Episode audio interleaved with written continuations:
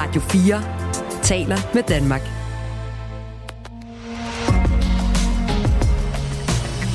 Du lytter til Radio 4 undersøger. Ja, og det er HEP 3082 med forfartsskib. En lægehelikopter er på vej mod Sønderjylland for at hjælpe en patient i alvorlig tilstand. AMK Syd her, bare kom skift. Jamen, øh, vi vil bare høre, øh, om I kunne komme med lidt flere oplysninger om, hvad det er, for er på vej til et hjertestop på en 8-årig, og sådan som vi ser det i et lægehus. Er det korrekt? Helikopterholdet har på den her sensommerdag i 2022 hørt Ja, rigtigt. det er korrekt. Det er et lægehus, og meldingen lyder på stop. Vi har fået bekræftet, at det er stop på et 8-årigt barn.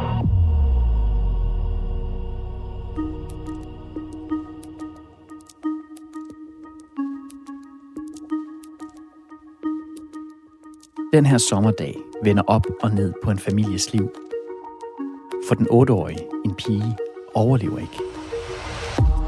Hun dør i armene på sin far på gulvet det sted, der burde være det mest sikre, hvis sygdom truer.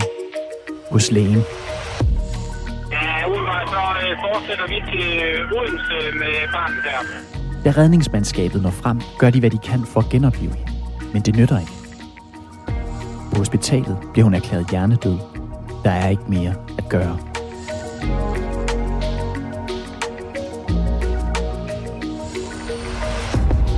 Hvordan kunne det ske, at et 8-årigt barn dør hos sin egen læge? Det spørgsmål forfølger vi i den her podcastserie fra Radio 4 Undersøger. Mit navn er Jais Nørre og det her er første afsnit af Den døde pige i lægehuset.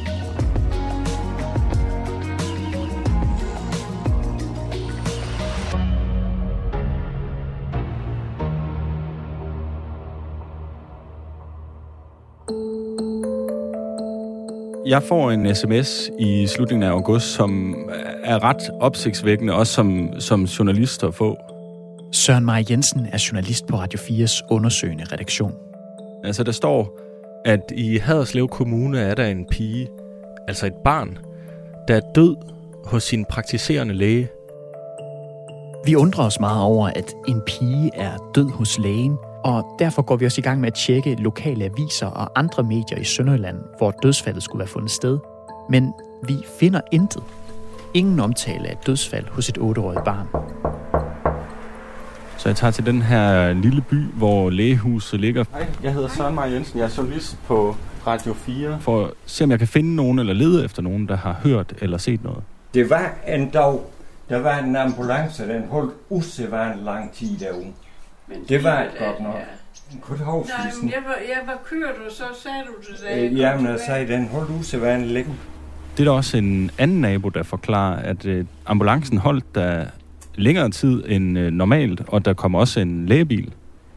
Der er også en nabo, der beskriver, at enten en kvinde eller et barn skulle have skrevet meget højt over ved lægehuset. Den lille pige, som det var, hun, hun afgik ved døden. Ja. Og mere ved jeg ikke.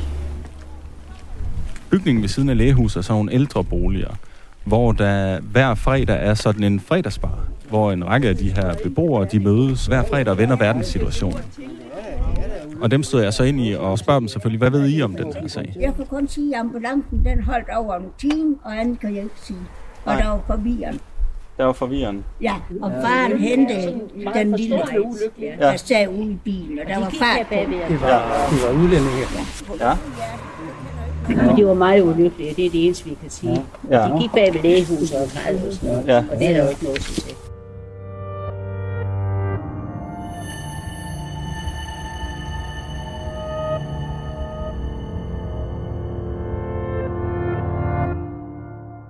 Så naboerne har altså bemærket, at der skulle være sket noget.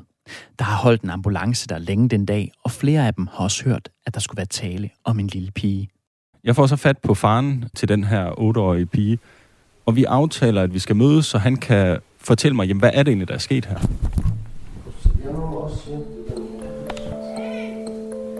Før vi lige går videre, så er der lige en ting, vi skal have på det rene. Det er noget, der skal vise sig at fylde en del i den her sag. For som du måske lige hørte, så en af naboerne til lægehuset har hørt, at der er tale om en familie, der er udlænding. Og det er rigtigt nok. Det er ikke en familie fra Danmark De er syriske flygtninge, og derfor har Søren også en tolk med til mødet. Det er hende, man kan høre her sammen med faren i familien. Den lyser, og så kører den bare. Kan du ikke starte med, at helt fra starten, altså din familie og dig, hvor mange er I? قل نبدا هيك من الصفر يعني هلا انتم عائلتكم كم شخص؟ Øh, vi har tre drenge og en pige, og jeg og Vi har kun øh, fire måneder. Familien har boet i Danmark siden 2015, hvor de blev familiesamført. Faren, Sohaib Al-Nasif, ankom året forinden. Det meste af tiden har de boet i Nordvestjylland. Øh, I april måned, vi, vi kommer her. Vi var bor i Midtjylland i Lemvi. Okay. Okay, det boede i Lemvi, og så det er fire Ja. måneder, I flyttede Ja. her. Ja. Okay. Det er altså en familie på seks, men de bor kun fem i huset nu. For det er deres datter, Ariam, der er død tre uger forinden. Så der er en trykket stemning, og de har jo også en datter, der er død for kort tid siden. Men tolken, Sohaib, altså faren og jeg, vi sætter os ind i stuen. En stue uden øh, særlig mange møbler, uden rigtig noget på væggene, men der er en meget stor rød hjørnesofa, som fylder den hele ende af stuen. Og det er den, vi sætter os i og ligesom har en, en samtale til at starte med. Meget fornemt. Tusind tak. Ayams mor Masala kommer med noget te, og hun er inden forbi en gang imellem. Men hun kan ikke holde ud at være der til hele samtalen. Det er for hårdt for hende. Øh, og faren, man kan også mærke, han har et eller andet inde i kroppen. Når han skal fortælle om, hvad der er sket, og det handler om hans følelser, jamen, så slår han over i arabisk.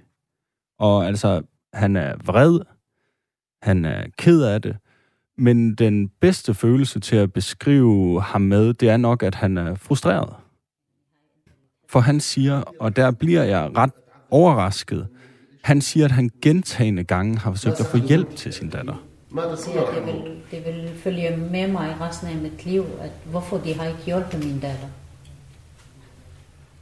Det lyder jo mærkeligt, at han skulle have bedt om hjælp til sin datter, uden at have fået det. Altså, bliver du klogere på det her ved det første møde? Hvad det drejer sig om?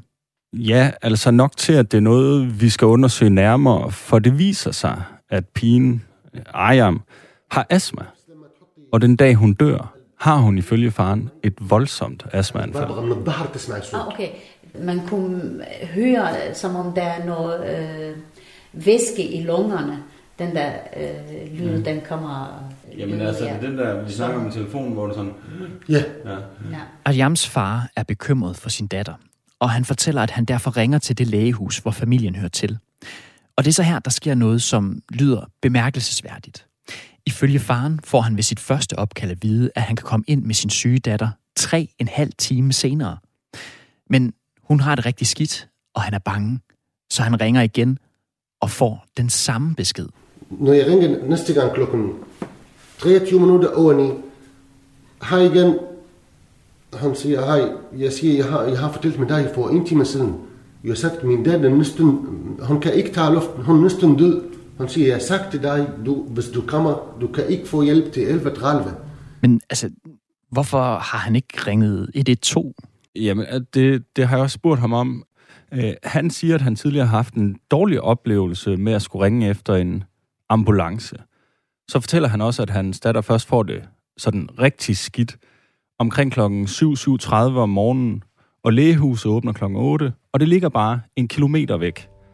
Så det vil ikke tage lang tid for ham at køre derhen, så at kontakte lægehuset, tænkte han, var det bedste at gøre. Han venter ikke tre timer. Umiddelbart efter andet opkald bærer han sin datter ud i bilen og kører hen til lægehuset. Og kort efter ankomsten dør den 8-årige pige i armene på sin far, mens han sidder på gulvet hos lægen.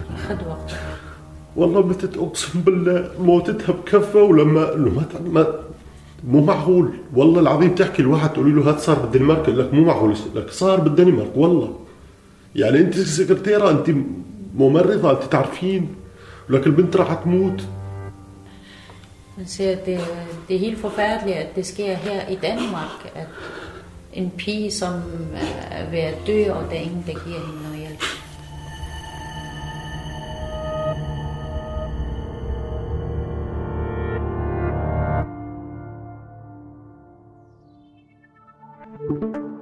Da Søren kommer hjem fra sit besøg hos familien, der har mistet en datter, søger vi igen, om der er nogen, der har omtalt det her dødsfald. Nu kender vi jo flere detaljer. Hun er tilsyneladende død af et simpelt astmaanfald. Ambulancen har muligvis holdt ved lægehuset længe den dag, og vi ved, hun er fra en flygtningefamilie. Vi kigger igen på lokale medier, og vi gennemtrawler Facebook-grupper, der er relateret til den by, familien bor i. Igen finder vi intet. Der er tavshed om dødsfaldet. Men der er jo tale om et dødt barn i et lægehus af alle steder, og vi er nødt til at komme til bunds i, hvad der er sket. For forældrene påstår jo, at hun ikke har fået den hjælp, hun skulle have. Jeg siger til Sohaib, altså hvis vi skal have nogen som helst mulighed for at øh, undersøge den her sag, undersøge, hvad du fortæller os, jamen så skal vi have fuldmagter fra jer. Vi kan kun sige det, vi kan dokumentere. Vi må ikke, øh, vi må ikke spekulere. Selvom der er noget, der virker åbenlyst, hvis vi ikke kan dokumentere det, så må vi ikke sige det. Fordi ellers så kan vi aldrig komme i nærheden af, altså vi kan aldrig komme så tæt på sandheden, som vi gerne vil, hvis vi ikke har de her fuldmagter. For med en fuldmagt fra pigens mor og far kan vi få partsindsigt i hendes sag. Vi kan kort fortalt få deres datters journaler, fordi det har forældrene ifølge sundhedsloven ret til, og med en fuldmagt har vi ifølge samme lov også ret til det. Med sådan en fuldmagt har myndigheder og lægehus pligt til at udlevere dokumenterne i sagen til os. Og jeg får både papirer fra Styrelsen for Patientsikkerhed, Styrelsen for Patientklager, fra Alarmcentralen og fra politiet. For når der er et uventet dødsfald, som der taler om her, så kommer politiet ind over. Men altså, det mest interessante at få indblik i, det er jo pigens journaler fra lægehuset. For der kan vi se, hvordan lægehuset håndterer pigen, da hun ankommer, og da faren ringer til dem den dag, hun får hjertestop hos dem og dør. Ja, men det, det ender med at blive lidt sværere, end jeg faktisk havde regnet med, at få partindsigt i de her journaler. Det er fordi, jeg kommer hjem, har de her to fuldmagter, og så skal vi jo have sendt en anmodning om, om agtindsigt til lægehuset, men jeg kan ikke finde nogen øh, mail på deres hjemmeside, så den eneste mulighed, jeg har, er, at jeg ringer derned, og så må de give mig en mail, så jeg kan sende den her anmodning om agtindsigt. Det ender med at blive en små absurd oplevelse. Øh, du kan prøve at høre det her. Ja.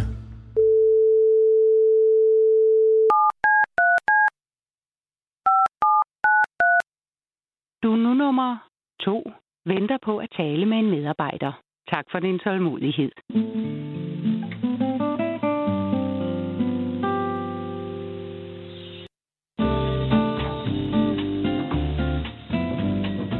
Det er sådan en bossa nova-ventetone, du kører. Ja, øh, det er det samme, som Sohaib hører, da han ringer og gerne vil have Ejam til lægen.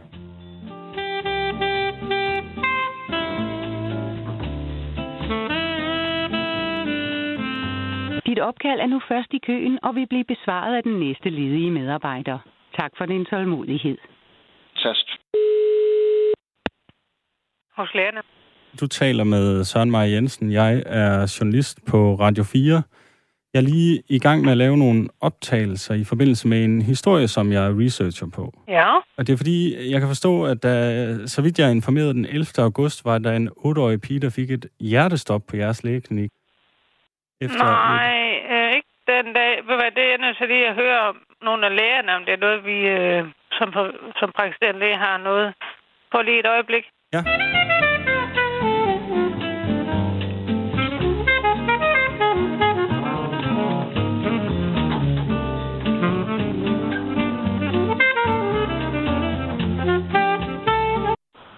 Undskyld, så jeg lige igen. Men ja. vi udtaler os ikke om noget, der foregår i klinikken. Jeg har lige snakket med en af lægerne. De har lige ventet det. Okay, men, øh, ja. altså, så, men du sagde jo, at det var ikke den 11. august, så det var en anden dato, eller hvordan? Vi har slet ikke nogen udtalelse omkring det. Som privatpraktiserende klinik her er der ikke nogen udtalelse. Jeg har lige spurgt en af lægerne, som er min chef. Jeg er blot sekretær her. Okay, så, øh, okay. Ja. det er bare sådan rent logistisk og praktisk, så vil jeg bare lige spørge om noget. Altså en mail, som jeg kan skrive til, Altså, vi har jo en husmail, som vi jo egentlig ikke øh, må bruge. Øh, det er jo kun dem, som har med huset at gøre, vi har noget fra. Øh, Men der må jo også være at... nogen uden for huset, der skal have kontakt til jer en gang imellem. Ja, altså, skal lige prøve at have fat i hende igen med et øjeblik her. Det er fordi, jeg kan kun sige, at jeg ikke lige har noget, og ja, vi ikke udtaler os noget et øjeblik. Jeg skal have fat i hende igen. Altså, det her er jo ikke en anmodning om et interview på det her tidspunkt. Altså, du ringer jo på vegne af den døde piges forældre, for de har givet fuldmagt til, at vi kan få indsigt i hendes sag. Ja, altså det kunne i teorien lige så godt være dem, der ringede og bad om at få agtindsigt i de her dokumenter. De har ret til at få agtindsigt i de her dokumenter. Det er, der, det er deres datters journaler. Og egentlig det eneste, jeg ved i det her opkald, er jo faktisk bare at have en mail, så jeg helt officielt kan sende min anmodning om agtindsigt. Så vi kan få journalerne. Altså, der er ikke mere i det. Skal der en læge ind over det? Åbenbart, men jeg får også en af lærerne i røret. Ja? Ja, ved du hvad, vi har ingen kommentar til, til, til den sag. Ja, altså, så lægen, han, øh, han smider bare røret på. Altså, en ting er jo, at det lægehus, der havde behandlingsansvaret for en 8-årig pige, der døde i deres klinik, ikke vil udtale sig. Men en anden ting er, at de ikke engang kan give en simpel e-mailadresse, så vi kan sende en anmodning om at se pigens journal.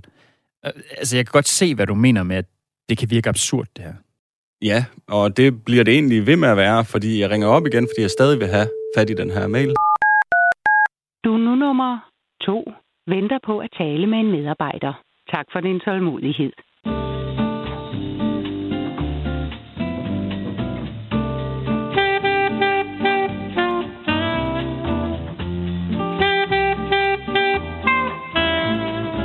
Dit opkald er nu først i køen og vil blive besvaret af den næste ledige medarbejder.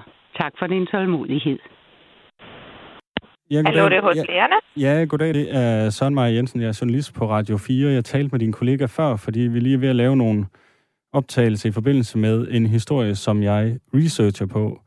Øh, Ja, din kollega øh, noget at lægge på. Det er fordi, at jeg øh, meget gerne vil søge agtindsigt ved jer øh, med fuldmagt. Altså, så det er en partsindsigt, så jeg har brug for en mail fra jer. Og det kan, det kan vi, bare være... vi udtaler os ikke på nogen måde. Nej, men du skal ikke, det handler ikke om at udtale sig. Det handler om, at jeg har to fuldmagter og gerne vil søge agtindsigt, og til det skal jeg bruge en mail. Alternativet Ja. er, at jeg kommer ned og, og, og Ja. står der, altså og går ind. Og, og, Jeg prøver lige at høre vores læger ad. Lige et øjeblik. Du hænger lige på, ikke? Ja, det gør jeg. Ja, øjeblik.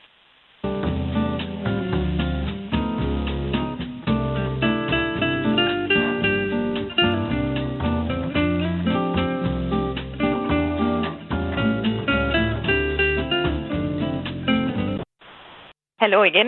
Ja, det er Søren igen. Ja. Ja. Vi, øh, vi kommer ikke til at udtale os om det, eller at du skal have noget agtindsigt herfra. Så vi Jamen, kommer det- ikke til at give Det, det, noget. det, det er jo ikke noget... Altså, loven siger jo, at man har ret til partsindsigt som øh, forældre Ja. og værge, og jeg har fået en fuldmagt fra forældrene, så det er jo ikke noget... Det, det er jo egentlig ikke noget, I beslutter. Men jeg skal Nej. sende den til jer. Ja, men du får ikke vores mailadresse. Vi ønsker ikke, og vi skal ikke udtale os. Så jeg har fået at vide, at jeg skal bare afslutte den her samtale med den besked. Ja, okay, Så prøv lige. det- Nej, men altså det... Jamen, så Jamen, jeg vi har ses. ikke noget at sige til så det. Jeg bliver nødt til at komme ned på mandag, tirsdag, onsdag, torsdag, fredag, indtil jeg har en mail. Det bestemmer du. Men jeg har fået den her besked fra min chef, så jeg kan ikke sige mere til dig. Så jeg lægger på, ikke Nej, også? lige en sidste ting. Øh, optager I jeres opkald i klinikken? Jeg udtaler mig ikke mere. Har I videoovervågning i klinikken? På. Men altså, de skal jo give den agtindsigt. Ja, og, og derfor sætter jeg mig ind i bilen. Jeg har et brev med, og tænder optageren, så jeg fysisk afleverer det her brev til dem, og jeg kan dokumentere, at jeg har afleveret brevet til dem. Ja, altså, jeg går ind igennem sådan en lille vindfang, eller hvad man skal kalde det, og så kommer jeg ind i sådan en mellemgang, og til venstre har du venteværelset, til højre en konsultation, til højre en anden konsultation, og så lige frem, der er sekretariatet, altså det er der sekretærerne sidder. Goddag, goddag. Søren Maja Jensen fra Radio 4. Ja. Det er fordi, at jeg ringede også herned, man kunne ikke få en mail, det er fordi, jeg gerne vil søge en partsindsigt. Ja. Og du har noget med der på skrift. Jeg har noget med der på skrift, ja. Godt. Øhm, du må meget gerne kigge på den nu, hvis det er. Jeg vil gerne lige, hvis du vil vente, vente, vente, så får jeg lige fat i en af vores læger til dig. Ja, selvfølgelig. Ikke godt? Jo, Ja, selvfølgelig. så hvis du bare lige så plads herude til højre. Ja, tak. Ja. Så bliver jeg så bedt om at sætte mig i venteværelset. Optageren kører stadigvæk. Øh, og jeg sidder der i 4-5 minutter måske. Men der sidder jo også reelle patienter og venter på at komme til lægen. Og da de her 4-5 minutter er gået, så, så kommer den her stemme, så Søren Maja Jensen. Søren Maja Jensen. Ja. Kom du bare med ind her. Og jeg kommer ind øh, i en gang, og så siger de, ja, kom du bare med herind. Til venstre, Og så øh, fik de mig trukket ind på, i et lokale, hvor to af de her læger så står. Det var der ringet sidste uge. Det var mig, der ringede sidste uge, ja. Ja, det var jeg. Det er dem, vi gerne vil have fat i, fordi det er dem, der skal hjælpe os med at få journalerne. Altså, det er dem, der skal give os journalerne. Altså, har du et eller andet... Øh... Nej, men den, øh, det, jeg bliver nødt til... Ja, jo, den optager, men det eneste, jeg har optaget, det er, at jeg har dokumenteret, at jeg har afleveret min aktindsigt. Okay, du optager ikke noget nu? Jeg kan sagtens stoppe. Ja, nej, ja, jeg ønsker ikke lige, Nej, at du optager. Det her var første afsnit af podcastserien Den døde pige i lægehuset for Radio 4. Serien er tilrettelagt af Søren Maja Jensen, Allan Christiansen og af mig. Jeg hedder Jais Nørgaard Alstrøm. Redaktør er Jon Hasselbalg Mikkelsen.